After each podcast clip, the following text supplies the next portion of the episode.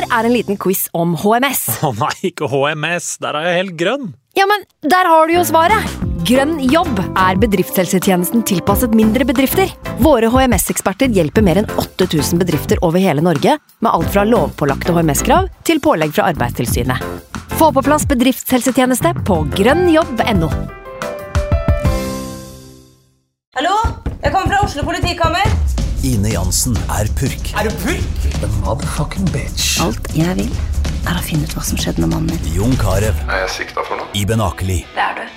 Ole So, Lars Berrum og Big Daddy Karsten. Hvem sin side er du på, egentlig? Anette Hoff, Tone Danielsen, Kommer du fra Afrika? Jørnis Josef, Nesten. Kløfta. Trond Espen Seim, Det er synd å si det, men det var feil mann som døde. Purk. Premiere tirsdag på TV2 Play. Nå har vi starta. Fantasyrådet. Hei, og velkommen til podkast med Fantasyrådet. Fantasy, fantasy, fantasy. Topp 10 og topp 10 Hei, hei, og velkommen til en ny episode med Fantasyrådet. Mitt navn er Franco, og jeg sitter her som vanlig med min venn og min superfreak Sondre. Hei, hei, hei! Velkommen skal du være. Takk for det. Og en gammel kjenning for de som har fulgt podkasten siden i fjor, er tilbake. Nemlig SoMe-anonyme, kule og snille Magnus Kroken. Hei! Hjertelig velkommen tilbake. Takk. Tilbake. Simen, han er i Dublin. Ja. Familietur. Eh, det kan vi bare si. Eh, Godkjent fravær. Ja. Uh, det er landslagspause, og vi tenker i dag å friske minnet litt. Eh, husk at vi har en drodlepod ute hvor vi drøfter Siemens et wildcard. Han er på wildcard i snakkende stund. Uh, vi diskuterer topplagene og vår lærdom, Sondre, av vår wildcard-bruk, ikke minst. Eh, så det er verdt å bare tune inn og høre på det òg, hvis, man ikke- hvis man er i underskudd på fantasyprat. Men igjen, velkommen, Magnus. Fin start på sesongen på deg. Ja, det har vært det. Hvordan, hvordan ligger du overall og akkurat nå? Overall så har jeg 539 poeng, som er en eh, plass på sånn ca. 27 000 plass. Yeah. Så eh, det har jo gått greit. Det må Ja, da være fornøyd Det er en bra start. Ja, det er en bra start så tidlig i Ja. løpet. Men uh, hvorfor ligger du så bra an? Hva, hva, har, hva har du gjort annerledes i år fra i fjor, for å sette litt sånn perspektiv på ting? Mm, jeg vet ikke om jeg har gjort så mye annerledes. Jeg var heldig med Eller heldig. Jeg traff, traff bra med Liverpool, og hatt Mendy fra start, Aguero. Hatt uh, en del Wolverhampton-spillere, det har jo vist seg å være god butikk. Richarlison har jeg stått ved. Mm. Gjennom tykt og, og tynt. Gjennom gult og rødt. Men så har jeg også bomma litt. Jeg har også jeg har vært uh, Jeg har vært på Miktarian, Ja. Jota. Jeg tok en Coleman fra start. Ja. Tenkte at uh, nå er du lur. Tidlig på ja, Everton-toget. tidlig på Everton-toget. Ja. En av svært få som var tidlig på Everton-defensivtoget Men har du noen prinsipper du følger, eh, som du slav, Eller ikke slavisk, det blir litt sånn i gåseøyne, men har du noen, noen kjøreregler? Ja, jeg tar ikke hits. I hvert fall svært sjeldent. Um, Det gjorde du litt i fjor. Ja, jeg har litt eh. Jeg har ikke tatt noen hits i år, um, og vært litt sånn Vet ikke, det blir ofte veldig fristende å bytte At man bytter for å bytte. Mm. At jeg har holdt litt hardt på dem og heller kommet ganske langt med å, å spart bytte, Ja. eller ha to bytte. Ja. Ja. Det blir sånn mini-wildcard av og til. Det blir kanskje litt mer eh, strategiprat integrert i dag. Eh, vi skal snakke litt for å Som sagt, for å friske minnet litt, så skal vi snakke litt om eh, posisjonene i, eh, i spillet. Og vi starter jo bak, da. Vi har snakka varmt om Patricio, vi har snakka varmt om Ryan. Eh, gutta seiler opp som de beste billigkeeperne. Og, og i hvert fall hvis man ser på form, kanskje også hvis man ser litt på fixtures, kanskje Ryan kan trekke sitt opp der, men Patricio er en god keeper. Eh, men hvis vi tenker litt på premiumvalget, altså de dyre keeperne eh, Om dere skulle valgt en premiumkeeper nå, hvem da, og hvorfor ville dere ha valgt akkurat den keeperen, Sondre? Hvis jeg skulle ha valgt pre premiumkeeper nå, så tror jeg jeg hadde gått for Alison, jeg. Eh, fine pictures. Uh, Liverpool holder nullen i de kampene som kommer. Uh, noe som også gjør at man kan doble bakover, tenker jeg. Man kan stå med både Robertson, eller Trent, og Mm. Alison. Også da med litt sånn skade skadeproblemer framover, da, som gjør det litt Det er ikke sikkert at man klarer å stable to offensive fra Liverpool akkurat nå. Og da, Ja. kan Alison være en mulighet, da. Ja, for det var jo oppfølgingsspørsmålet Mm. mitt. Eh, setter du inn en premiumkeeper, så, så forutsetter det jo gjerne at du dobler bak Ja. med Fordi de, de dyre lagene har jo en dyr forsvarsspiller som du Mm. heller vil ha. Men skal du i tillegg ha en dyr keeper fra samme lag? Mm. Eh, er det aktuelt for deg da, Magnus? Tenker, ser du noe til eh? Mm, det er ikke aktuelt for meg, men eh, jeg ville også gått for Alison. Um, i samme, sammen med sånn som du sier, kanskje Robertson eller Mm. van Dijk eller Mm. Ja. Jeg har, men jeg tenker litt sånn at Nå er jo spørsmålet om du skulle valgt en premiumkeeper, da. Men Mm. jeg tenker bare hvis vi Sånn som for min del så står det med Patricio og Fabianski, um, og tenker å kjøre en rullering der. Mm. Og hvis vi Ja, liksom du kjører rullerende ja, keepere. Ja. Mm. ja. Men det har blitt mye Patricio, og det kommer også til å bli mye Patricio, Mm. tror jeg. Men jeg tenker at hvis man skal gjøre opp status uh, på slutten av sesongen, så vet jeg ikke om man har mer poeng med en Alison eller Ederson gjennom en hel sesong enn man vil gjøre med en kanskje med en Patricio eller Fabianski eller en rullering. Ja. Og da hadde jo du en helt sinnssykt over, bra oversikt over rullering på Patricio Fabianski. Jeg har en veldig bra oversikt. Ja, eh, for det, de kamp, det, det er jo så fristende det, det du har foran deg der.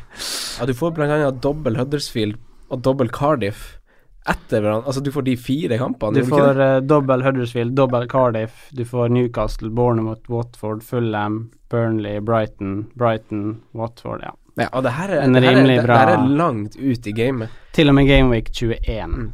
Fra nå. Fra, nå. Fra Gameweek 9 til 21. Men det her er jo igjen en strategiprat. Vi har brent oss på rullerende keepere før. Hvor man ender opp med å ha keeperen på benken får en overraskende clean sheet, og Ja. han Chris Wood scorer mot Mot, uh, Mot keeperen du ja. Ja, borte, ja. Men jeg har også skrevet Alison, Mm. og jeg skulle, måtte jo prøve å lete etter en begrunnelse til hvorfor jeg skulle velge han. Eh, og da kikka jeg jo litt på at eh, både, Ars altså, både Arsenal, City, Chelsea og Bournemouth har jo alle skåra mer mål enn Liverpool. Og Mm. Liverpool ser ikke like sprudlende ut framover, hodeløs som du vil, som de gjorde i fjor. Nå ser det litt mer kontrollert ut. De kontrollerer inn seire i større grad enn de gjorde i fjor. De har ikke skåra like masse mål. Eh, men det er jo nå de møter de lagene som Mm. man antar at de skal skåre mest mål mot, så jeg vil likevel holde av en slott i tilfelle Ja. man trenger en til offensiv hos Liverpool når de møter Huddersfield, Cardiff og Fulham i løpet av de neste fire kampene. Mm. Det er kanskje det vi kan konkludere med, at alle vi som sitter her, Ja. ville, for, ville foretrekke billigkeeper, Ja. og tenker at det er veien å gå. Sånn Liverpool-messig så er jo det greit i forhold til at um, det vil kanskje være litt uh, rotering i det forsvaret der. Mm. Kanskje Ja. bare Robertsensen og van Dijk som er immun mot rotering. Mm. Og da har du en ganske sikker defensiv, da, Ja. i en. Helt enig. Så jeg tenker at det er ikke et uh, dårlig valg i det hele tatt. Men 1,1 million dyrere enn Fabianski og Patricio er Ja. Det er litt, syns jeg. Hva tenker du, Sondre, om, om eh, Altså, Magnus har jo han Fabianski, vi skal runde av keeperpraten snart, men han har jo han Fabianski. Og de har jo kun sluppet inn tre på de siste fire gameweekene. Ja. Og laget har sett atskillig mer sammensveisa ut. Altså, det begynner å lime seg litt sammen, det prosjektet til, eh, til Westham. Begynner å ta litt form. Ja, Ja. og han er jo fortsatt den mest valgte keeperen. Uh, Han er det, ja. ja. Ja. Uh, fortsatt 14 eller noe sånt som eier han. Uh, de som står med han nå, når de går inn i de fine kampene og laget begynner å se litt bedre ut, og det, det ser litt mer struktur ut med nytt anker, nytt forsvar, Mm. kan, kan, man, kan det forsvares å stå med Fabianski nå, eller blir det litt sideveis og skal bytte til Ryan Patricio nå? Ja, jeg, jeg var veldig i tvil når jeg kjørte wildcardet mitt for, eh, for to runder siden. Da hadde jeg på en måte stått med Fabianski fra start og gjennom den perioden som var ganske tung, da, og var Ja. ganske dritt. Og så så man at det begynte å ja, Det var mindre skudd imot på underliggende tall, og det begynte å se bedre ut, som de sier. Så øh, jeg tenker at det, det Du skal ha et ganske fint lag hvis det er det du prioriterer å gjøre. Mm. Fabianski i det kommende programmet kan fint uh, snappe med seg en god del clean sheets-poeng. Mm. Det blir nok kanskje litt mindre saves-poeng da enn hva de gjør mot de antatt bedre laga. Ja. For det er sånn typisk den, den uh, Jeg husker ikke hvor mange penger han fikk, 11 eller 12 hjemme mot Chelsea, hvor de holder nullen, og han Ja. får selvfølgelig redninger, og det Ja. blir bonus. Ja. Um, Men det er på en måte det det er, da, en billig keeper. ja. Mm. Det er liksom det er det du får. Mm. Det er I tøffe perioder så må du liksom bare stå i det Mm. og eh, tenke at det er en billig keeper av en grunn. Mm. Jeg syns jo de tre nevnte billigkeeperne vi nevner, Fabianski, Ryan og Patricio, er de beste, nettopp fordi de de kan stille opp også på den redningstypefronten, eh, som kanskje ikke alle keeperne er i stand til å gjøre. Så har de masse redninger når det først kommer mye mot, da. Ja. Eh, så det kan jo forsvares. Vi hopper til forsvaret. Lone Wolf stiller et ganske kult spørsmål. Hvordan ville deres ultimate parker bussen forsvarsrekke sitt ut den kommende runden? Om vi, tar, om, vi tar, om vi tar en liten runde på det. Eh, Magnus, hvordan eh, da, da går vi kanskje ut fra at det er en femmer, da. Siden han skal parkere bussen, så kjører Ja. han femmer, eller? Jeg har gått ut fra en femmer, Ja. og så har jeg tenkt litt sånn Skal det være realistisk? Ja, for det er Eh, For det er sånn For hvis ikke, så vil vi ha Walker Laporte er der som Men de Ja. bare tre, da. Men Ja. jeg tenkte en litt sånn halvrealistisk variant, i alle fall. Mm. Med Dorothy, Trippier, Robertson, Mandy. Og så, for å gjøre den litt mer realistisk, så kanskje Lucas Din. Ja, Mm. riktig. Da har du tenkt i litt mer realistiske baner enn, det, enn Ja. meg. For jeg, jeg gikk også Jeg gikk også sånn Jeg, jeg ville heller ikke gjøre trippel bak, for jeg følte det ble Ja. urealistisk. Men jeg kjørte dobbel allikevel. Mm. eh, Sondre, du kan jo få kjøre først, da. Ja, og så kaster jeg Alonso inn i det. Har mot aldri- United? Ja, Ja. jeg gjør det. For å gjøre det realistisk, fordi man sitter, mange som sitter med han. Mm. Og ja, jeg tror det blir en kamp hvor Chelsea kan fint holde nullen, og han Han viser seg ofte i storkamper, han. Mm. Så Men man vil jo gjerne ha på noe City defensivt i denne runden her. Man vil jo gjerne ha på noe Liverpool defensivt, Huddersfield borte. Mm. Uh, jeg syns Lucas Digne.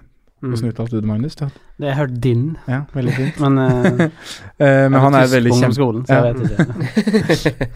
Veldig spennende å se på han framover. Ja.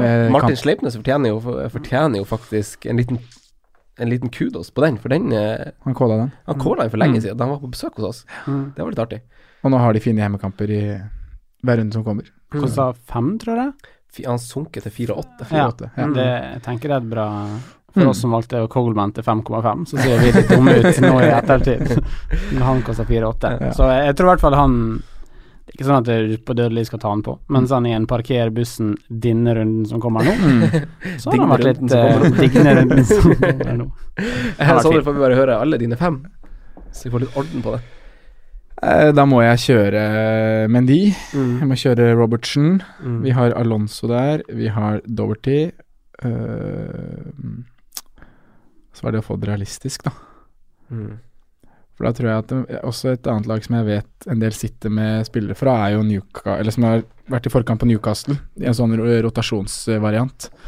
Eh, og da har vi både Jedlin og Lascelles, da, som Mm. koster under fem, som møter Brighton hjemme. Mm. Eh, Som ikke er god borte. som ikke er god borte i det hele Ja. tatt. Eh, ja. Men det beste man kunne ha, er jo Mendy Walker, Robertson, Trent, Trippier, kanskje. Trippier, ja. Mm. Doverty. Doverty. Doherty. Laporte. Laporte. Ja. Det, for det jeg nemlig ikke skrevet. Jeg skrev Mendy, jeg Mm. Laporte, jeg skrev Robertson, jeg skrev Dorothy og skrev Jamal Lascelles. Ja. De fem, faktisk. Mm. For, for å ikke ha trippel City. Mm. Men eh, etter vi stabla den her parkerbussen parker bussen den kommende runden, la oss stable den beste forsvarsrekka for de kommende rundene litt framover. For Mm. flere spør oss nemlig om forsvar.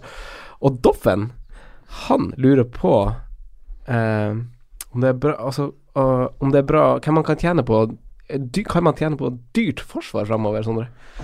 Ja, det der er jo liksom en evig diskusjon som fram og tilbake litt annenhver runde, føler jeg. Nå har det vært eh, Vi snakka mye om det forrige, eller Drodlepodden, at det har vært stille fra Alonso Alonso siden forrige landslagspause. Er det en mann som man kan eh, bytte til noe billigere nå?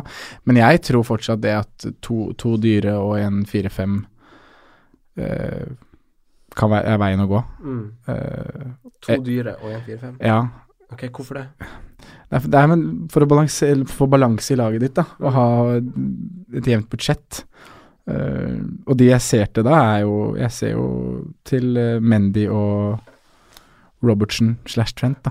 Mm. For du kan jo også få både Mendy, Alonso og Trent her, Mm. og ha Doverty inn i tillegg, så da spiller du jo plutselig fire bak. Ja. Uh, Ja, for det kan jeg jo røpe at det er jo, det har jo jeg røpt for dere. Mm. Eh, at det er jo noe jeg vurderer. Ja. Å kjøre I hvert fall ha muligheten til å kjøre den fireren bak. For jeg, Ja. har jo, jeg planlegger Mendy inn nå. Ja. Og da gir det jo meg den muligheten til å kjøre de fire, Mm. og så eventuelt rullere med en midtbane så mellom 4-3-3 og 3-4-3, da. Ja. Alt ettersom. ja, og jeg tror litt det er det man kommer til å Det er vanskelig å spå om man får mest gevinst på, men at det kan bli bra framover. Men jeg tror vi ser litt skifte i uh, Trippier, for eksempel. Mm. Har hatt noen gode runder nå. Uh, kommende program Må du ikke glemme Meirin. Ganske tøft. Bellerin, ja, der òg. Men at det nå eh, Mendy er klar, og at det kan være naturlig å hoppe, hoppe dit. Ja. Mm. Jeg tror, også, jeg tror også Trippier til Mendy er et bra bytte. Mm. Jeg har også tenkt litt på Alonso, da, eh, i forhold til at han koster sju, og han har en litt annen rolle han har hatt før. Eh, og det er liksom 46% som eier Alonso. Mm. Så hvis man kanskje har lyst til å gjøre et, eh, ja, et byks på tabellen sin, Mm. så kan man gjøre Alonso til noe annet òg. Men uh, man kunne gjort Alonso til Mendy, f.eks. Hadde man hatt Alonso, og beholdt Trippier. Ja. Der Trippier kanskje er litt mer, eh, litt mer offensiv og kan levere mer målpoeng.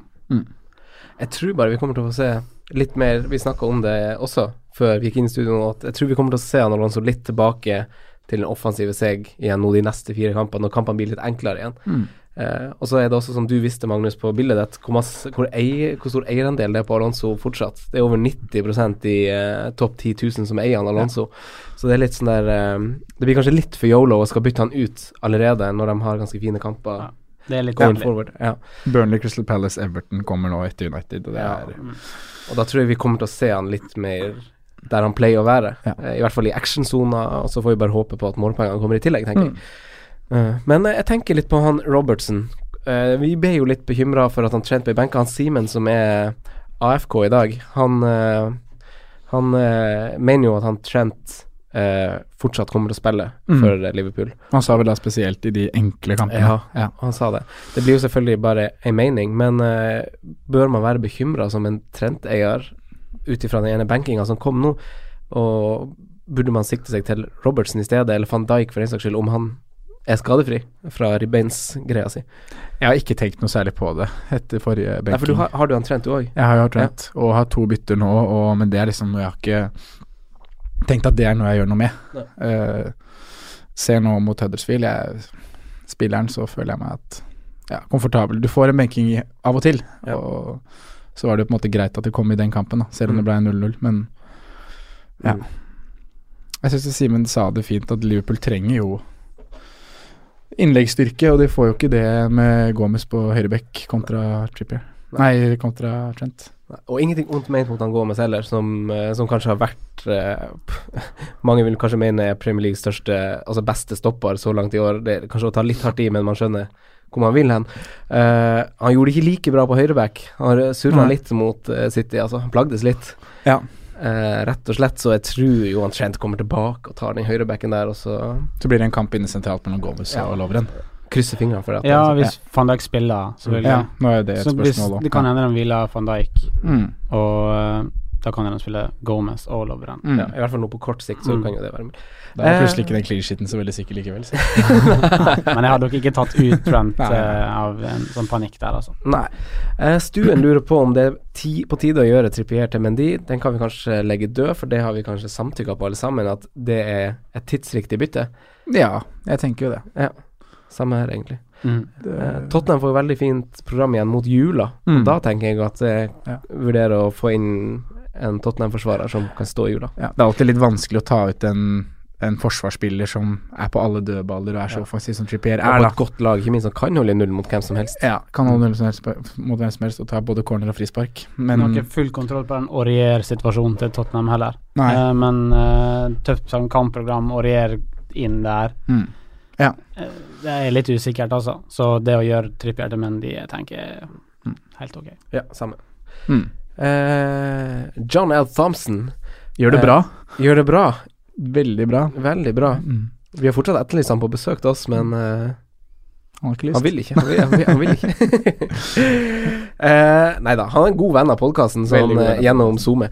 Eh, men han spør jo noe vi allerede har drøfta bitte litt, for han spør om hva som tenkes om LFC dobbel bakover. Jeg lurer på, Magnus, om du har gjort deg noen mening om, om det? Konkrete meninger? Konkret mening. Jeg tenker at Ish. eh, hvis Ish man konkret. har mulighet, så, uh, så ville jeg gjort det. Men det er også relativt dyrt å gjøre det hvis du skal være sikker på spilletid. Mm. Um, sånn van Dijk og Robertson, det syns jeg er litt dyrt. Mm. I forhold til sånn målpoeng og sånn. Uh, men det er jo løsbart hvis du f.eks. har Alison, da. Mm. Så jeg hadde vært fornøyd hvis jeg hadde satt med Alison Robertson. Mm. Jeg hadde tenkt litt på Lovren også, men jeg, jeg tror at hvis van Dijk er klar, så tror jeg det skal mye til å benke Gomez som stopper Mm. Ja, etter det. mot Lovren. ja. Ja. Så eh, jeg tenker at det er fint å ha Loople Double bakover, men at jeg vet ikke helt hvordan man skal gjøre det.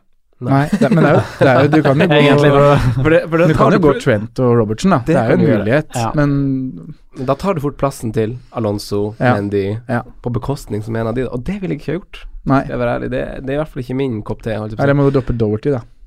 Ja, det har jeg ikke lyst til. Å gå med to billige. Det er jo helt uaktuelt, selvfølgelig. ikke Nei, meg. nei.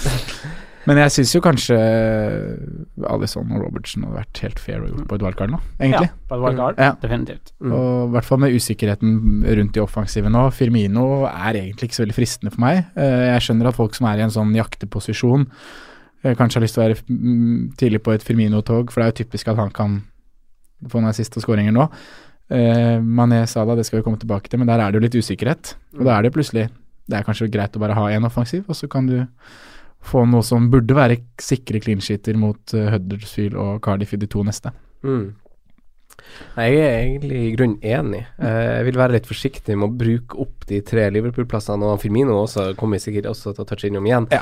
Eh, men én Liverpool-spiller bak syns jeg nesten man må ordne seg plass til, egentlig. Ja, en, ja. For det kommer til å bli Altså, de har jo De er jo et av de sterkeste lagene defensivt i, år, i hvert fall. Og Mm. de har ikke sluppet inn mål på Anfield ennå. de Det føles ikke som de har sluppet inn mål der på ei evighet, rett og slett. Nei, Eh, så, så så Det kan jo også begrunnes derfor på samme grunnlag å kjøre to defensive. Mm. Men eh, jeg vil holde av en plass, rett og slett, når jeg står med Sala og Trent, som jeg gjør akkurat nå. Eh, men FPL Daily 1, han er på wildcard, som Simen er, og lurer Mm. på beste forsvarer til under fem, eller beste forsvarere, om vi skal drøfte det litt. Han nevner sjøl Jamal Lascelles, som vi var inne på. Mm. Han, eh, han nevner Dunkey Dunky og Duff. Eh, og han nevner Diop. Ja. Hva, hva, tenker, har dere, hva tenker du, Sondre? Lascelles er jo et spennende, spennende navn, syns jeg, da. For Mm. det, vi har jo snakka om uh, Jedlin fra Newcastle. Jedlin er bare 4-5. Ja, Mm. Men Lascelles har vel sunket litt i pris, har han ikke det? For han starta jo 4,8. på fem, så han er på 4-8. Mm. Det er kanskje litt for dyrt, uh, men samtidig så er det jo en spiller som er uh, veldig trussel på offensive dødballer, og kan skårer jo alltid noen mål i løpet av en sesong. Ja. Eh, men Newcastle må vise mer enn det de har gjort. Da. Vi snakka litt om den Leicester-kampen hjemme hvor de slipper inn to mål.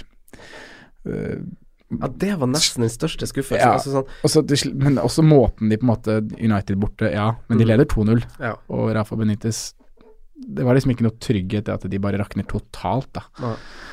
Så um, jeg tror ikke jeg ville gått uh, noen av de gutta på wildcard nå. Du vil ikke det? Nei, jeg vil ikke det. Men han nevner jo beste forsvarere til under fem, og da regner jeg med at vi har Doverty og Ja. Bisakka, liksom. Han har jo FPL i nicknamet sitt, så må jo ha Da er du der, ja. mm. Eh, nei, men eh, jeg Men Brighton-gutta er jo spennende med tanke på rullering, da. Å finne en, uh, finne en rullering som kan passe, så du kan spille de på hjemmebane. mm. For det å spille Brighton borte, det er jo Da er det Ryan du kan spille for å få clean, eller redningspoeng. Men mm. å hoppe på nullen på bortebane for Brighton, det er Det som hopper på. Ja. Finn noe morsomt, Franco. Hva, tenker du, eh, Magnus, eh, om, om tenker billigforsvaret? vel det som dere har sagt. Det er jo også eh, Nå må jo jeg bare fortsette å si Lukas Din, da. Ja. ja, men jeg syns det er Eh, 4-8. kjemperiktig å si. Tenker jeg at det er en mm, På wildcard så er det interessant, syns jeg. Mm. Og da ser du veldig framover, da. Jeg syns det er mer interessant med din eller Digne, nå skal jeg si Digne fra nå av. Mm. Jeg syns det er mer interessant med Digne enn uh, Lascelles. Du har Ja. Palace, Brighton, Cardiff og Newcastle i de neste fire hjemmekampene. Veldig fine hjemmekamper for en Ja. fyr med veldig god venstrefot. Ja. Mm. Og da Hvis du kan finne Nå har ikke jeg sett på det, men noe som rullerer der, da. Ja. Så 4-8 er kanskje kneppdyrt. Du ville kanskje hatt den på 4-5 når du skal rullere, men Litt dyr rull- rulleringsalternativ. Ja. Litt. Og, men jeg er jo helt enig. Han er en spiller som kan spilles. Men eh, jeg jeg er jo litt enig sånn skal man se framover på en sånn rotasjonsløsning, for det er litt vanskelig. Mm. Som dere begge er inne på, så er i motsetning til f.eks. spissplassen, da, hvor det er vidåpent hvem man skal bruke de tre Mm. plassene på, så er Forsvaret litt sånn her er det ganske åpenbare valg i eh, hvor du burde se, og det er ganske snevert område, syns jeg. Du har Alonso, du har Liverpool-forsvarer, og du har Mm. Mendy, og du har Dorothy, som er veldig sånn Der har du fire plasser der, da. Ja. Du må du bruke forsvarsplasser på, og så har du Van Bissaka, kanskje, Mm. bonuskongen. Så det er veldig vanskelig å skal begynne å tenke noe annerledes, Mm. syns jeg. Og jeg så, jeg så liksom på Jedlin Fernandes, eh, Fernandes også i Newcastle, koster 4-3 eller 4-4. Veldig billig alternativ. Det er altså sånn, jeg bruker ikke de plassene på som konsekvens på noen av de andre der. og han Van Bissaka han kan bare sitte der hvis man har han, og så kan han vente til det gode programmet kommer igjen. For de andre fire forsvarerne er såpass gode. For han er jo ikke spillbar på fem runder nå. Nei, nei, han settes bare han bak på sitter benken. bare helt ytterst. Ja. Ja.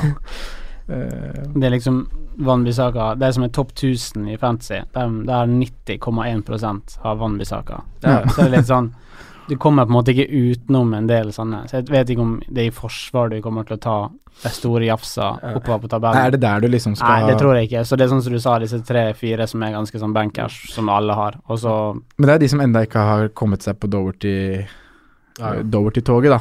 Om da hopper du på det nå, eller prøver du Chilwell Digne for å se Eller Johnny på Otto. Prøve å finne nestemann? Mm. Ja, Johnny Otto. Mm. Jo- Kanskje. Kanskje prøver du Chilwell eller Digne. Kommer han på posisjon nå? Ja. For han har jo steget litt i pris, men skal han koster 4-7 nå. Ja. Uh, Johnny Otto koster fortsatt 4-5, Mm. uh, så for eksempel. Men det er jo Men så er Doverty Ja. mye mer offensiv. Helt enig. Ja. Helt enig. Og så er det om du ikke har Om du f.eks. er på wildcard og ikke har hatt han Bissaka hele tida, så koster jo han det samme som Dunk, Fernandes, som uh, Bennett. Mm. Uh, er dem da et bedre valg enn han akkurat nå? Kanskje ja. Ja, det vil jeg jo si. ja hvis du er på wildcard si. og Ja. må kjøpe Van Bissaka for 4,3. Så Ja. Nei, det skal du jo ikke gjøre nå, Nei. tenker jeg egentlig, med det som kommer. Da har du jo heller de gutta som du sier, som har bedre program. Ja. Huddersfield da, har faktisk ganske overraskende gode tall bakover siste fire. Jeg vet ikke om Mm. dere har notert det samme. Siste fire runder ganske gode tall, men de ser jo ut som ei eh, bøtte med makaroni uh, utpå Ja. der, så det er jo ikke noe Det er tøffere enn det hvis du tar inn eh, derfra på wildcard. Altså. Ja. Vi hopper til midtbanen, og vi starter med kanskje den største snakkisen i landslagspausen. Sala gikk av med skade. Mhm. Eh, Mané har vært og skada tommelen sin. Men hva er siste nytt om eh, de gutta her, Sondre? Hvis vi starter med Sala. Eh, Er det ikke det at han øh, virker å være klar, da? jo, Var det ikke det Twitter-konto du nevnte rett før Viken her, som Det skal sies at jeg vet ikke hvor legit den Twitter-kontoen er, men det blir jo retweeta i hytt og pine med Ja. en gang en sånn nyhet uh, Og det spekuleres jo opp og ned om det her er uh, Klopp som trekker i tråder for å få Sala tidlig hjem. Mm. Uh, ja. Men ok, det folk lurer på, da, er jo hva, hva hadde du gjort som en Sala-eier? Jeg syns det er utrolig vanskelig å si. Jeg er jo ikke Sala-eier selv, men planen var jo å sette han på. Mm. Jeg tror ikke jeg hadde Jeg hadde jo ikke bytta han ut hvis jeg hadde den. Man sitter jo i hvert fall på gjerdet til fredag. Ja, man gjør jo det til man får noe helt sånn konkret om at han er uh, ja. Ja, først og fremst, hvis du sa leier, vent. vent til fredag. Ja. Ikke Ja. gjør noe nå. Nei, jeg er helt enig. Nei. Det, er nok en, nok en sånn Nå får vi nok en sånn ny lærepenge på hvorfor man venter med byttene sine i, lære, i Mm. landslagspausen. Det kommer hver gang, det. Det ser altså, det, altså FPL-laget mitt i landslagspausen ser jo ut som uh, høstskogen. er jo Bakker. gult og gult og oransje og alle mulige farger. Mm. Uh, men, uh, men ja, du, du ville ha sittet med han og venta til Ja. fredag. Det er kanskje ikke så mye mer å si om Sara. Nei, det må for, du bare for man vil gjøre. jo ha han framover Ja. med de kampene som de har. Ja, vi, det er jo den spiralen man kanskje har mest lyst på de kommende rundene, da. Det er jo det. Eh, eller vi har i hvert fall sagt det. Eh, Ja, for det er jo veldig synd for de, for de som har sittet med Sala til nå, ja. og så blir han eventuelt skada før den kamprekka som man skal endelig liksom gni seg i hendene. Nå har jeg han, Mm. liksom. Og så, kommet seg greit igjennom de tøffe kampene der og ikke tapt for mye på det. Og så. mm. Så jeg er jo egentlig veldig fornøyd som tok han ut før de to kampene han har blenka. Ja, du traff sånn sett. Så Men hvis han står der på fredag, da, og Sala er skada, mm. hva gjør vi da?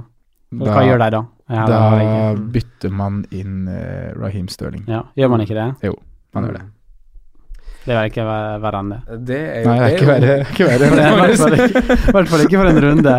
Nei, herlighet, han ser nå så bra ut også, så eh, Det Ja. finnes alternativ eh, hvis man skulle befinne seg der, altså. Mm. Vi kjørte jo den Twitter-pollen på Facebook. Nei, Gjorde på? Twitter. Ja. Eh, unnskyld. Så kjørte vi poll på Kjørte Twitter, Twitter på på Facebook, og så kjørte vi så, kjør, Facebook på, så, på kjørte, Twitter. så kjørte vi den pollen, og da var alternativene bytte på Stirling, bytte på Mané, beholde eller annen løsning. Ja.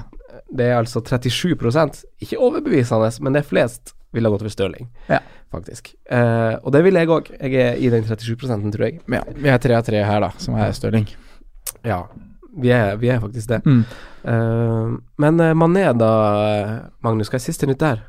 Siste nytt eh, er at uh, han har uh, brekt et bein i, i tommelen eller noe. Ja. Jeg, fikk, jeg sa et røntgenbilde på Twitter, men det er klart det er jo ikke Mané sitt røntgenbilde. Nei, for der òg var det ganske ja. mye sånne spekulasjoner om at det lå noe Ja, at det var bare rør, det òg. Det Ja. var noe bein der som ikke skulle ligge der og Men da var vel også Det sies at han uh, har gips, uh, og at uh, Jeg leste det siste jeg leste, var at det, i en sånn situasjon så er det opp til spilleren sjøl om han vil spille. Mm. Ja. tenker jeg at Mané vil spille. Ja. Men jeg tror ikke Klopp er enig i at det er opp til spilleren sjøl. Så her også er det litt sånn vent til fredag, altså. Ja. Og det er jo faktisk mm, den nest beste kampen i året å ha de gutta her ute, sånn for Klopp og Liverpool sin del. da Det er jo Huddersfield er ikke Det burde gå med Sturridge og Shakiri også. mm. Ja, Sturridge Ja, er jo formspiller nummer én i Liverpool om dagen, så det er jo Men klart, uten, uten Salah og Mané, da, mm. så skal du litt. slå et lag som uh, angivelig slipper inn ganske få mål de siste gameweeksa.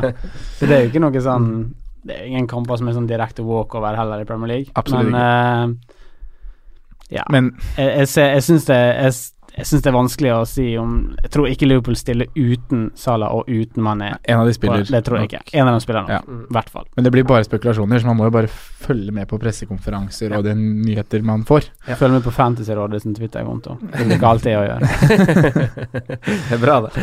Eh, Robert Haugen lurer på om han bør rydde opp sånn at man får plass til Salah igjen, da. Hva tenker du om det? Han, han er jo sjøl på wildcard, da, men han er ikke overbevist, og det, da er det jo snakk om pri skade. Ja. Ikke helt overbevist om man skal bruke den store summen på en spiller. Hva, hva, tenker, hva tenker panelet?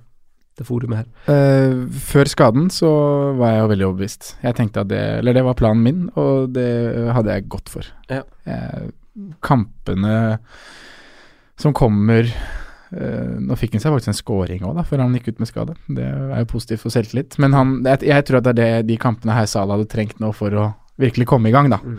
Og som vi snakka om i Drodlepod, eh, statistikk Du sa det veldig fint i Drodlepoden, syns jeg egentlig. ja, Eh. i år versus fjor. Tallene er ganske like. Tallene er ganske like, og han møter nå de lagene, som du sa i Drodlepoden, han møter nå de lagene som hans konkurrenter, altså FPL med FPL-øyne, Ja. eh, har skåret store summer mot, Mm. møter han Sala nå. Mm. Eh, så det er vi kan håpe på at det kommer eh, to mål i en kamp. Tre mål, kanskje, til og med. Ja. Så, så jeg ville helt klart ha satt han på laget hvis man vet at han er skadefri. Ja. Og hvis jeg hadde beholdt han Nei, hvis jeg hadde hatt han, så hadde jeg helt klart beholdt han. Mm. No-brainer, syns jeg. Ja, hvis man får beskjed om at han er skadefri. Ja, hvis han er skadefri, ja. Ja. Men hvis han bare er skada for én kamp, om han bare mister Huddersfield-kampen, Ja. da er det litt verre. Ja, da, det, det virker jo som det her ikke er en veldig seriøs skade, en liten sånn kjenning i hamstringen. Eh, ikke noe avrevet, ikke en alvorlig strekk, det har vi fått bekrefta. Så det, da får man på en måte samtidig bekrefta at det ikke er en langvarig skade. Mister han Huddersfield-kampen, hva gjør man da? Hva tenker du, Magnus? Da hadde jeg eh, tatt han ut. Da hadde du tatt han ut, Eh, ja, jeg tror jeg hadde bytta han mot Stirling, Ja. Og så bytta tilbake igjen. eventuelt. Ja. Mm. Tror ikke du får noe prisforskjell. Enn om han Stirling skårer syv mål eh, mot Burnley, gjør det fortsatt det byttet? ja, for han skåra ikke sju mot Tottenham neste helg. Nei, riktig. Nei, jeg tenker Ta bare Egentlig, egentlig uh, litt sånn aksjemeglerstilen der, altså. Ja. Nei, det tror jeg altså at du eh, Jeg tror jeg hadde, i frykt av å, å gå glipp av så mange poeng, Ja.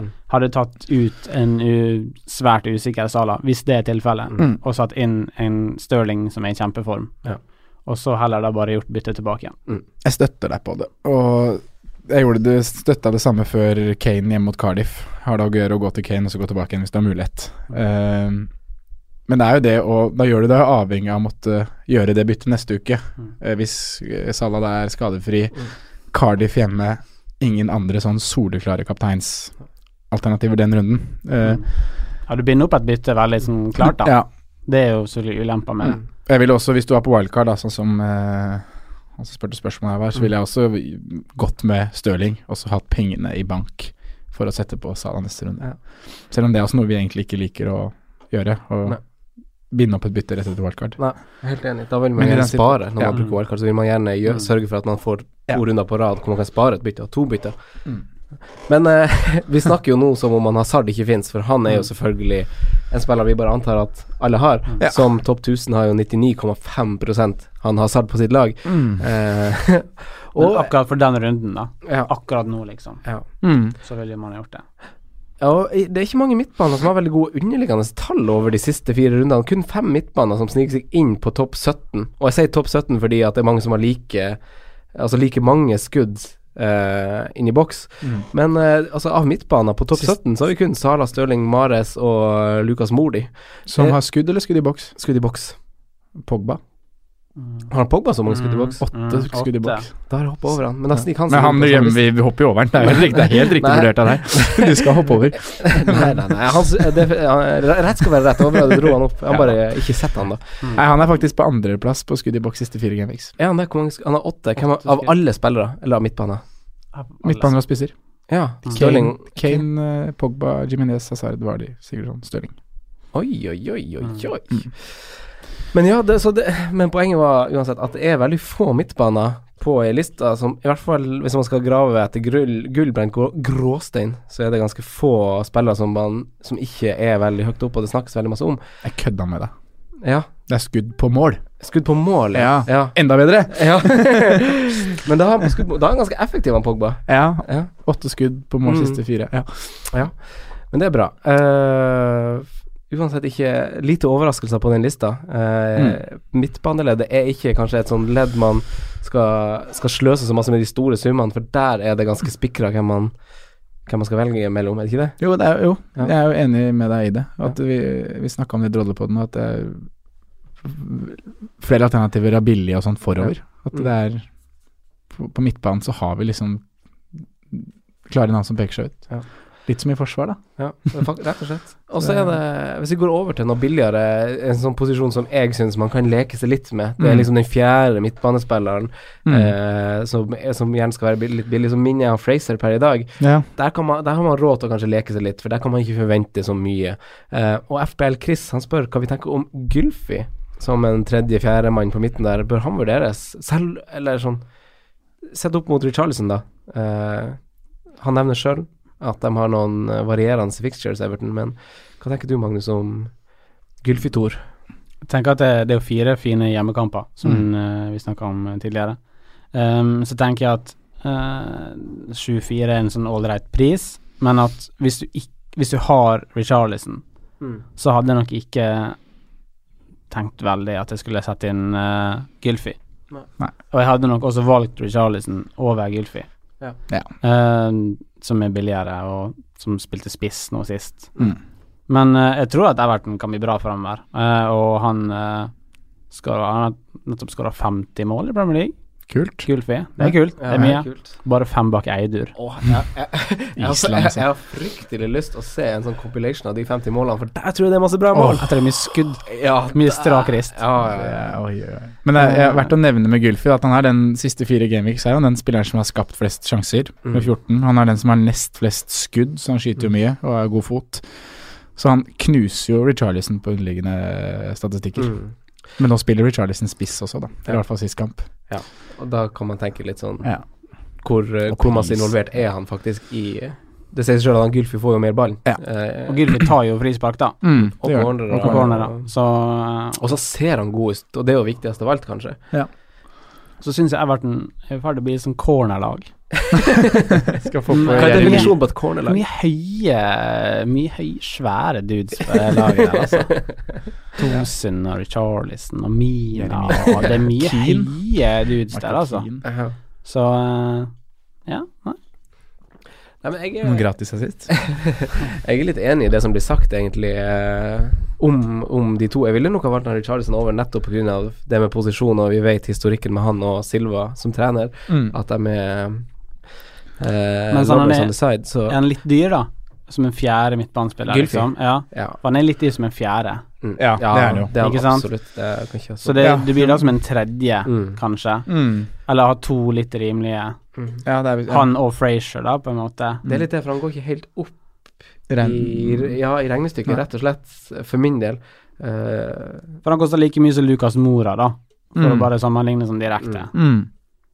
Og da er det sånn Jeg vet ikke. Nei, jeg syns det blir litt sånn Kanskje litt dyrt. Også når du har et. Jeg syns Richarlison er så mye klarere valg jeg, Mm. i samme klubb, og det er for tidlig for å doble. og jeg skal ikke, men jeg skal ikke halshugge noen for at jeg velger Gylfi over Nei, Richarlison, men jeg ville sjøl valgt Ja. Og det kan jeg ikke stå for. Ja. Ja. Men. Men eh, jeg har lyst til å snakke litt om han du nevner, eh, Magnus. Uh, Frazier. Mm. Han er jo fått seg en nok 75 sjanse. Uav uavhengig av det, så har han to fine kamper nå, før det kommer et ganske tøft program for Bournemouth. Mm. Eh, det er jo et lag i form, men jeg liksom Ser man etter alternativer der for å være i forkant på nestemann i samme prisklasse? Ja, Eller er man ja, for jeg har jo han Fraser. Ja. Det har du også. Jeg har det, altså. Så, Og, og for meg så har jeg jo kikka Kikka primært nedover. mm, Og jeg tweeta om det, men ikke alle som er på Twitter som, som, eh, som hører på. Men jeg tweeta jo en tweet om at Josh Murphy på Cardiff, som koster 4,8. Mm. Og det er et lite langskudd, vi, vi er litt på vidda, men eh, han er tilbake fra skade, og fra start de to siste rundene. Eh, eh, Spurs Uh, sitt forsvar sleit tidvis med, med han forrige, forrige runde, og han skåra i runden før det. mm. Totalt uh, på de to kampene her så har han ni skudd, som er nest mest av alle. Eh, kun Gylfi foran. Eh, han har fem i boks, som er tredje mest av alle spillerne i Premier League. Og han har sto, to store sjanser, som er nest mest. Mm. For et lag som skaper veldig, veldig lite. Og han skaper veldig lite som, som, i sånn kreative stats, men han viser litt sånn at han er i litt målfarlige områder, da, rett og slett. Og Cardiff skårer ikke så masse, men de har tre heimekamper de neste fire, eh, akkurat som Newcastle for så vidt har, og seks heimekamper de neste ti, hvor de bl.a. møter Fulham, Leicester, Brighton, Wolverhampton Mm. og Southampton på heimekamp på heimebane. I tillegg til greie bortekamper. Så til 4,8 så har jeg vurdert han, og så har jeg vurdert han Kennedy og i tillegg, som, som skåret et bra mål mot United og så god ut i første omgang, men Newcastle blir ikke klok. Så jeg klarer ikke helt å lande eh, Det er første navnet på blokka mi, jeg har nevnt noen andre òg, men den utdyper jeg litt. Ja, så har vi jo snakka om uh, Knockout og Brighton Ja. i tidligere episoder. Jeg tror eh, jeg har sett litt, på, eh, sett litt på det samme og tenkt litt sånn at man kanskje, hvis man har stått med Frazier en stund, da, kan snart eh, cashe inn gevinsten sin og bevege seg til neste. Ja, Helt enig. Prøve å finne liksom være i forkant der. og da har jeg titta litt på Shirley, da. Mm. Ja. Um, Han, han skyter. Han skyter. Dæven, han skyter hardt òg. men på siste fire gameweeks, da, så er det på ett Sondre Golden på Twitter, så har han uh, Shirley 15 skudd uh, siste fire gameweeks. Mm. Og Fulham har et uh, et ganske ålreit kampprogram fremover. Mm. Mm. Den koster 5-9. Jeg syns det er ganske rimelig, egentlig. Ja. Um, Ja, så, det er jo eh, det. jeg Fire, fire, tenker- fire av 15 skudd på mål. Ja ja, men eh, Men ja. det er nesten en tredjedel. men jeg tenker i hvert fall at uh, Ja. Jeg tror ikke det er et sånn kjempedårlig valg, det, altså. Nei. Å gjøre før eh, Bournemouth har eh, tøffe kamper. Så ja. Det kan være det neste, Mm. Neste poenget kommer dit, altså. Mm. Jeg kan for så vidt lene meg på den, jeg òg. Jeg tror ikke jeg kommer til å gå dit sjøl. Jeg, blir- jeg, jeg, jeg liker ikke Fullheim lenger. Schürrle er en sånn spiller som det er klassisk å være for seint på. Han har levert oh, ja. et par kamper, og så går du på en dag, og Men- da er det slutt. Men han skyter jo fortsatt Ja. sabla masse. Og så er det sånn som Magnus sier, skal man se framover på et grønt program, så, ja, det er det man vil. Så er det kanskje et tog man kan, ha, kan satse på. For det er en prisklasse som er litt sånn ubetydelig. Man vil jo ha poeng, så man skal komme fra de store spillerne, og så er de billige Det blir et lite supplement, en liten bonus, da. Ja, det er jo litt sånn eh, den fjerde midtbanespilleren din her, da, Mm. uh, som man kan leke seg Ja, litt klart. med, Mm. dere sa.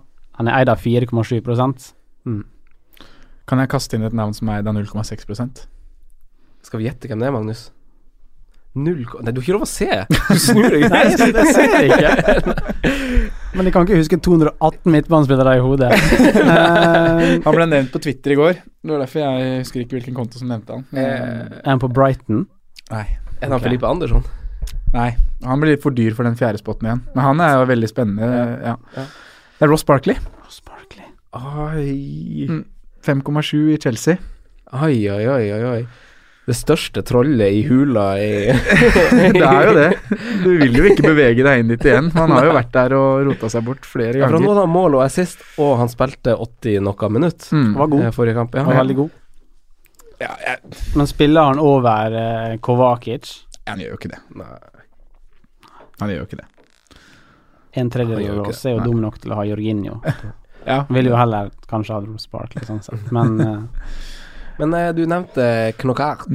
Han hadde jo eh, Det var en sånn liten eh, bølge som starta med han eh, for et par runder siden. Mm. Eh, vi har ikke blitt overbevist noe større grad siden den gang. Hva tenker du, Sondre? Er han fortsatt Altså, vi, nå snur programmet igjen litt fra Pereira, som var litt het potet i starten. Mm. Eh, Har han gått ned Er han litt billigere nå? 6-1, tror jeg han er. 6-1 eller Ja. 6-2. Og så har vi jo Madison fortsatt. Ja. Eh, kanskje litt dyr igjen for en sånn fjerde, jeg vet ikke. Men eh, det spørs Hva tenker du, Sondre, om eh, knockout eh, osv.? Jeg har ikke blitt noe klokere på knockout eh, etter forrige gang vi snakka om han. Men jeg, det er bare det at programmet er fint, da, når Mm. du snur litt på Frazier. Mm. Så det er vel han jeg kanskje er nærmest å å kjøre inn for Frazier, hvis jeg skulle gjort et bytte nå, for å leke meg med noe nytt. Mm. Syns jo Syns jo kanskje at uh, Schürrle-praten til Magnus her også er uh, Mildt sagt overbevisende. Kiler ikke altfor mye i magen, men man blir jo. Nei, jeg vet ikke. Står nå med Fraser et par uker til, da, Mm. og så, eh, og så ser man. Ja. Men uh, pass opp, da. Mm. Vi har jo Det er jo litt skuffende at vi kanskje ikke har nevnt han mer, Franco, men uh, Er det han jeg har skrevet sist her? din mann Han som var, han som var, han som var representanten for mitt positive vendepunkt i fjor. Ja, det var han kanskje? ja. Johan, Johan Berg. Ja, Johan Berg. Ja. Fytti katta. Johan Berg Gudmundsson. Mm. Seks blank. Ja. Målpoeng i fire av seks kamper. Han har starta, Mm. for han ble skada etter 18 minutter i den ene kampen. Men nå er kampprogrammet her er jo helt jævlig. Ja, det er akkurat det. Ja. Han har 29 poeng på siste tre kamper, da. Ja, Men han kan ikke, kan ikke gå uten å nevne han. Nei, man kan faktisk ikke det. Veldig solid mainman uh, i et lag, faktisk, Mm. blitt. Gudmundsson! Hæ? Tror det eller ei. Tror det eller ei. Men så er det, det er jo Venter jo fortsatt på Yota, da. Ja. Som vi snakka om her. Du hadde jo han fra start, Mm. Magnus. ja, jeg vet ikke. Jeg tror at vi må bli ventende ganske lenge. Ja, for han har jo ikke vist oss noe av det vi fantaserte om. Nei. Nei. Det er jo, jeg tenker, skal man ha en sånn Wolverhampton-midtbane, så er det mer verdi i Neves eller uh, Montinho dødballer, ikke sant? ikke sant, til eh, fem-fem Ja, det eller etter et eller. Det, er- men han også var jo en kjempestor hype. Liksom. Han leverte en kjempestor første kamp, Ja. og så sa vel vi på podkasten at det, det er det høyeste han kommer til å levere hele Ja. sesongen. Det. Mm. Uh, han er jo ikke Ja, noe offensiv, han Neves, men det er Nei. fordi at han har en god dødballfot at vi får en, en sjelden assist i ny og Mm. ne. Vi hopper til spissa. Uh, Rolf Vallestad Sunde skriver For oss som er lei av Kane, ut, inn og Aguero av på dilemma hver runde. Skal man bare kjøre på med billigspillere på topp og bare klinke til med dyre midtbanespillere? Hva, tenker vi om det? Sånn her. Ja, jeg, jeg syns du snakka fint om det før vi gikk inn i studiet, Magnus, med det med balansen din. Mm. At man Det er jo selvfølgelig fristende å klinke til. Eh, mm. Det var jo før uh, Sala og Mané ble skada, og Ja. ikke var så mange å klinke til med lenger. Mm. Men at man binder opp så mye penger på midtbanen, da. At den, den runden der du ser du må ha inn Kane til to-tre neste, du må inn Aguero, Mm. så blir det fort eh, hits, altså, for Det å få det. det til å gå opp økonomisk. Mm. Det er vanskelig å få til det der hvis du sitter med Mitovic, Janatovic og Øh, Nei, nei, ikke Danny Glenn Murray. uh, så jeg tenker tanken er, tanken er god, men uh, å ha tre billigspisser, Mm. det, det ville jeg vært litt forsiktig med. Mm. Men det Men det finnes har- veldig mye spennende å velge i. Ja. Det er kanskje det som er litt vanskelig. Ja. Men du har jo noe i mellomsjiktet der, da var det jo Lacassette. Mm. Som, Ja. Eventuelt. Mm. Så Men da må du også være komfortabel med Du mister jo det her captaincy, de som er heavy kapteiner, veldig ofte, da. Mm. eh, ved å ikke ha dyr spiss. Ja. Så du må jo ha litt baller sånn sett. Du må være komfortabel med å ikke ha Aguero når han blir cappa av 35 hjemme mot Burnley, Mm. og du må Nå har kanskje Hazard vist at han kan være litt kaptein da i Ja, år, det er motsetning til i fjor. Og du må tørre å gjøre det. Kaptein Hazard, du må kapteine Stirling, du må Ja. kapteine Salah. Mm. Men eh, absolutt. Men eh, billigspisser er jo noe alle må ha. Eh, uansett, spesielt i lys av hvordan vi har snakka opp dyre midtbanespillere og forsvarsspillere i akkurat denne episoden. Om vi skal gjøre en liten rangering av billigspisser for de kommende rundene. Uh, gjerne begrunn litt, eh, Magnus. Hvordan, hvordan, hvordan stiller du deg der? Det er klart litt sånn definisjonsspørsmål på hva som er billig Ja, gjør da. gjerne en- uh, men jeg tenker Jeg har notert med litt sånn Jeg har notert med Wilson og King, for det ser jeg mange har. Mm. Um, jeg har notert med Arnautovic, Imenez, Mitrovic, Murray. Så er det noen få modige av oss som har Danny Ings. Men um, så jeg tenker at av deg, da, så ville jeg nok rangert uh, Arnautovic og Mitrovic høyt. Mm. Kanskje Arnautovic høyest. Ja. Av dem to. ja. Ja, vanskelig. Veldig. Bare 0,1 som skiller dem. Um, begge to har ganske fine kamper fremover. Mm. Um, men Hva sier magefølelsen, Magnus? magefølelsen sier Arnautovic. Ja. Rett og slett for jeg syns det er et bedre lag. Jeg skal ha inn en av de. Du skal ha inn en av de? Ja. Uh, jeg har skrevet Arnautovic. Ja. Jeg vet hva, det er, det er så klink Arnautovic.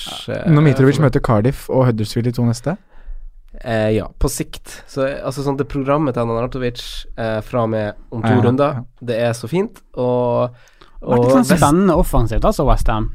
Og Westham som lag ser så masse Eh, bedre, bedre ut enn uh, Fulham, syns jeg. Altså sånn Jeg så litt på, på Stats også her. uh, så så jeg på eh, Mitrovic og Fulham sine stats. Eh, Fulham som kommer til ganske lite skudd, så er det som rettferdiggjør av Mitrovic litt, at han står for 11 av, eh, av 21 skudd som Fulham har i boksen.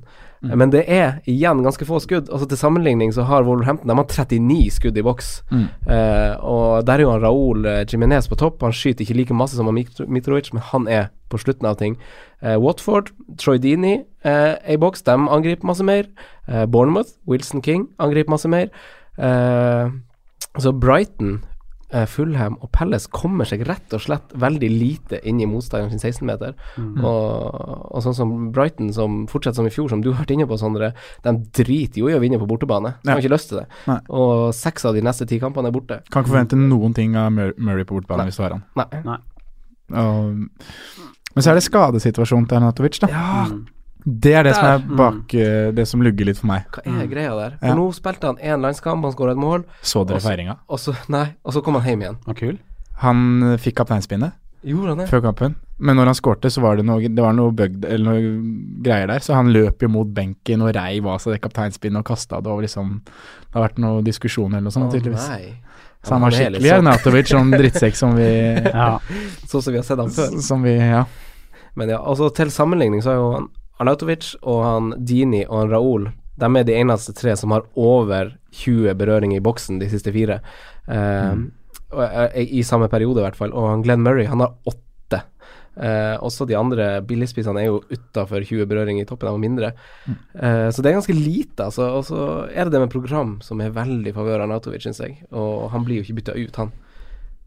Det er bare sånn De tre neste til Mitrovic er Cardiff, Bournemouth og Huddersfield. Ja, så de tre neste der. Ja. Da bør de vinne. De bør vinne, Mm. og da er, han, da er han involvert. Ja, det er det som er Ja. greia. Hvis, hvis Fulham scorer, så er jo han involvert. Mm. Nei, men eh, min rangering er i hvert fall Arnatovic Arnautovic først. Mm. Og så er han Raoul eh, nummer to. Altså, jeg sa han som et must på wildcard i Drodlepodden, Mm. og det var litt i kombinasjon med at eh, det totalpakken man får ved han, da. At hvis du har han eh, hvis du har han Raúl Jiminez, så får han har skåret mot to topplag. Han har skåret mot City og United. Han har fem målpoeng i fem kamper på rad, tror jeg. Og han koster bare 5,5, som gjør at man kan ha han Sala istedenfor han Mané, som står høyt hos meg, da. Mm. Så det er de to jeg har holdt. Og så har jeg skrevet Dini òg, faktisk. Eh, Spennende. ja, han er på straffa i hvert fall, og han spiller jo for Watford, som har eh, også fin kamp Mm. i eh, runden som kommer. Men eh, Mitrovic, jeg vet ikke helt. Det, blir liksom, det er bare Fulham som taler meg litt imot. Ja. Man skal ikke tenke for mye med hjertet. Nei, jeg har de to på topp selv. Mm. Mitrovic, Arnatovic Natovic. Mm. Det er liksom 51-49 Mm. Arnatovic akkurat nå. Mm. Planen har hele tiden vært Mitro, men Ja Men hva tenker du da, Sondre, du som vurderer spissbytte? Altså Lacassette er jo blitt litt snakkis, Vardis er jo blitt litt snakkis. Mm. Eh, Magnus, du har, vet jeg også har snakket om Lacassette. Hva, hva er dine tanker rundt han? Min situasjon er jo uh, den at jeg, jeg sitter med en spiller som ikke alle andre sitter med, nemlig Lukaku. Um, og det er bare å le. Og det er greit. Du har Lukaku og ligger på 27 000.-plass, da. Ja, da har du et bra kollektiv. Det er som å spille med handikap. uh, Neves, Jorginho og Lukaku. Ja. Jeg gjør ikke det lett for meg selv. Men jeg tenker at uh, For jeg syns det var vanskelig å ta ut Lukaku i forrige runde, da han har eh, Newcastle-kamp. Så Mm. valgte jeg ikke sette inn Kane. Mm. Men nå, nå er jo jeg der at uh, Lukaku skal ut. Mm. Og uh, Du har to bytter. Ja, to bytter. Ja. Så da er jo det der om jeg skal gjøre Lukaku til Lacassette Mm. eller Vardy. Jeg tenker det er to gode alternativ. Ja. Men Vardy sitt kampprogram, det er veldig fint, altså. Det er veldig fint. Så uh, jeg tenker Og han koster ni? Han, han har steget til ni, ja, faktisk. Ja, ni. Ehm, så jeg, jeg tror at eh, det, det er et godt valg. Mm. Lacassette er jo også en kjempespiller, men uh, det er et tøft program. Mm. Han har fått godt betalt. Ja, Ja, det er ikke så fryktelig mange skudd eh, han ikke har skåra på, for å si det sånn. Nei, hva- hvordan var det, Sondre? Han skyter færre enn Schirle. Det. Langt Han- færre. Bedre treffprosent òg. Ja, han har siste fire, så har han ti skudd, og syv av de er i boks, og tre av de er på mål. Ja. Og han har vel tre mål Ja. på Mm. de kampene. Så han har alle hans tre skudd på mål har gått i mål. Ja. Og da er det jo Ja, han er god til å skyte, da. Han Ja. Plasserer godt og er i selvtillit, liksom. Ja da. Men det er tøffe kamper, og um... Men her, spissmakeren hans, bare sånn for å nevne Aubameyang, han har seks skudd, fire i boks og tre på mål. Ja. Han er ikke i form om dagen, altså. Han hadde, altså Formen kan jo diskuteres, han hadde Ja. jo greit kamp Ja, sist. ja, men- eh, når Simen tok minus for å få han ut. Ja. men eh, men alle de her kommer i siste kamp. Hæ? Ja, alle de skuddene her kommer i siste Ja. kamp. Mm. Men han spiller jo litt på kanten, ikke sant. Så Ja. han er jo ikke verdt pengene, han Aubameyang.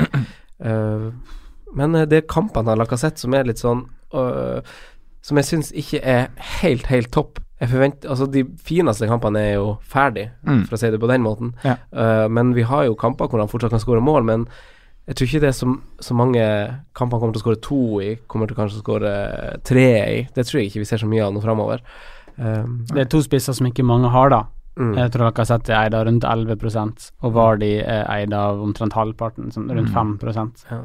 um, Så det er en del poeng å hente potensielt òg. Mm. Um, men ja. Jeg setter faktisk Vardi foran uh, going forward. Ja, jeg gjør det, jeg òg. Og underliggende tap på Vardi er kjempefine. Ja. Han er uh, Og vi så det i forrige kamp òg, han bomma alene med keeperen en gang. Han er der han skal være. Han Mm. har en heading som er ganske bra. Bommer Han er alene med liksom- keeper, er det han skal være. Vet ikke om det er det jeg vil se. Ja, men han, han kommer til de gode sjansene fortsatt. Ja, ja. Jamie er Jamie. Ja. Uh, men han Egil Heinert Han vil at vi skal snakke litt om Lacassette som kapteinsemne. Er, er det verdt å sammenligne han med Aguero, Hazard, Sala? Nei, vi har jo ikke sett den på engang, så Eller Jeg er, jo, jeg er jo redd for at han skal bli benka også en kamp, Mm. ja. At han starter en kamp på benken. Sånn prismessig er jo han et kapteinsalternativ. Ja, Men uh, sånn bortsett fra det, Mm. uh, så eh, hadde jeg nok uh, Jeg hadde nok um, satt kapteinspinnet andre sted enn Ja. der, først og fremst, altså. Og det er jo også litt fordi det er jo en som blir Han vil jo bli lite kaptein, da, så du, du går jo en veldig annen vei enn hva mengden går. Mm. Så oppside versus nedside her. Ja, det er Bommer du på en tape. Ja, bommer du på Lacassette cap, så Mm. kan du tape veldig mange plasser hvis de som er cappa mest, Mm. får poeng. Ja. Men det er jo også ganske vanskelig å kapteine spissa, egentlig, syns jeg. Mm. Um, sånn som Aguero er vanskelig å kapteine om dagen. Mm. Han spiller ikke 90 minutter. Nei, han spiller Nei. ikke 70 engang. Nei, sant. Eh, og Kane har jo vist seg litt utfordrende å kapteine, han også. Ja. Um, så Men jeg ville nok ikke lagt det på Lacassette for de om. Eh, vi snakker jo fryktelig mye om Aguero, andre toppspisser i Drodlepodden, så man kan jo bare spole tilbake og høre på det hvis man hører en utdypende diskusjon, for vi må hoppe til våre spalte. Eh, etter et dilemma, for så vidt, som vi kanskje Så får jeg bare sette et, eh, et lite punktum der. Espen Fevang lurer på Arni eller Mitrovic. Med Arni så mener vi Arnautovic. Eh, Magnus? Arni. Sondre? Jeg, jeg veit ikke. Hvis jeg hadde valgt akkurat her og nå, så hadde jeg valgt Arnatovic. Ja. Samme her. Jeg hadde også valgt Arnatovic, Arnatovic, Arnatovic. Arnatovic. Mm. Eh, vi skal over til spalten nå. Eh, forsvarer til maks 5,0 til å holde nullen den kommende runden. Eh, og Der kan jeg bare si med en gang at jeg, jeg har gått litt Jeg skal ikke si han til denne gangen, så jeg har sagt en annen fyr. Men det må bli en overraskelse vi har tatt runden ferdig. Sondre, hvem er din? Hmm. Mm, Lascelles. Mm. Digne. Digne. Mm. Tøff, tøff, tøff. Mm. Uff. Jeg har også Jamal Lascelles, faktisk. Har du? Ja, skrev han ned. Ja. Med sånn tjukke bokstaver. Eh, Sprittusj? Nei, det er på PC. på PC, ja. Ja. Eh, på perrongen. Spillere som leverte den forrige runden, eh, som om de er tog verdt å hoppe på eller ikke. Eh, Førstemann er den nevnte sjefen i Trollhula, Ross Barkley. Mål og assist. 5,7 koster han. Magnus. Nei takk. Sondre. Nei takk. Ja, blir nei takk, altså. Spennende Eh, tanke. Nestemann, Sondre, er han Kennedy til 4,9. Skåra mål mot United. 4,9 Mm. koster han. Det er billig. Mm, det er det. Det er en mulig Frazier-erstatter, men eh, eh, Nei, jeg ville venta litt med det. Ja. Han er gul òg. Ja. Nok. Kul er kul. Ja. Nei takk. Eh, Magnus. Ja, Kennedy. jeg tar den, jeg. Ja, Mm. du tar den. Jeg syns det er fine kamper. Ja, det er veldig fine kamper. Ja. 4,9. Ja. Ja. Lek litt med den, da. Ja, ja. Ja, ja. Få noen gule kort der, få noen straffemiss. og så Kul- kul spiller, da. Ja, han er kul. Han er kul. Han er kul. uh, jeg sier Jeg har faktisk skrevet yay, så jeg må stå ved den. Og- Men ikke gjør det som bytter ditt, da. Nei, det er akkurat det. Ikke, ikke, ikke ikke, blitt in Kennedy, liksom. Ikke akkurat nå, Nei. kanskje. Men, eh, Men, på sikt eh, så tror jeg kanskje det kan lønne seg. Og på wildcard? Som en joker. Ja. På wildcard? Ja. ja. Tja. Neste er Lacalesette, Sondre. Uh, jeg må jo bare stå for det jeg sier, da, og si nei. Mm. Jeg fristes ikke, altså. Magnus. Jeg syns det er vanskelig. Jeg har nettopp eh, Dere vet når dere setter han inn på laget, men ikke trykker bekreft. Ja. Bare for at man liksom vil se hvordan laget ser ut. Med det. Kjenner Alle gjør det. Så syns jeg han ser så utrolig fin ut. Du syns det, ja?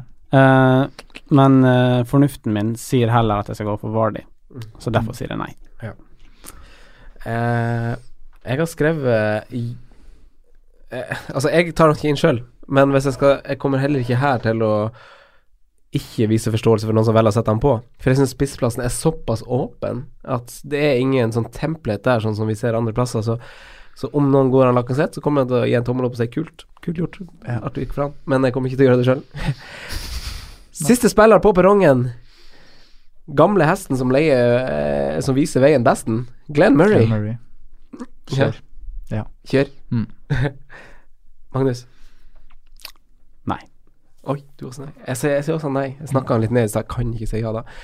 Eh, tusen takk for at dere kom, gutta. Begge to. Magnus, tusen takk for at du kom tilbake. Alltid hyggelig. Eh, Sondre, tusen takk for at du kom igjen. Eh, er alltid hyggelig. vi legger ut en uh, liten kapteinsdroddel som vi legger ut på torsdag. Yeah. Hør på den, så snakkes vi neste gang. Ha det. Hei. Ha det. Takk for at du hørte på vår podkast. Vi setter stor pris på om du følger oss på Twitter, Instagram og Facebook. Vi er fans i rådet på alle mulige plattformer.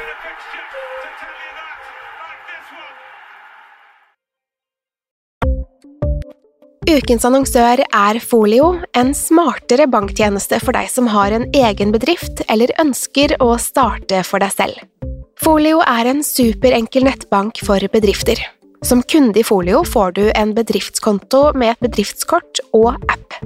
I denne appen er det smarte løsninger som forenkler regnskapet ditt, uansett om du har en liten bedrift eller et enkeltpersonsforetak. Folio er både intuitivt og brukervennlig, og er laget med et enkelt språk. I tillegg tilbyr de forutsigbare priser og ingen skjulte gebyrer. Skulle du likevel trenge det, så kan du snakke med deres raske og hyggelige kundeservice, og der får du prate med en faktisk person og ikke en chatbot. Folio er med andre ord både enklere og koseligere enn banken. Over 10 000 bedrifter har allerede valgt Folio som sin banktjeneste, så besøk folio.no og se hvordan Folio kan forenkle din hverdag også. Har du et enkeltpersonforetak eller en liten bedrift? Da er du sikkert lei av å høre meg snakke om hvor enkelt det er med kvitteringer og bilag i fiken, så vi eh, gir oss her, vi. Fordi vi liker enkelt. Fiken superenkelt regnskap.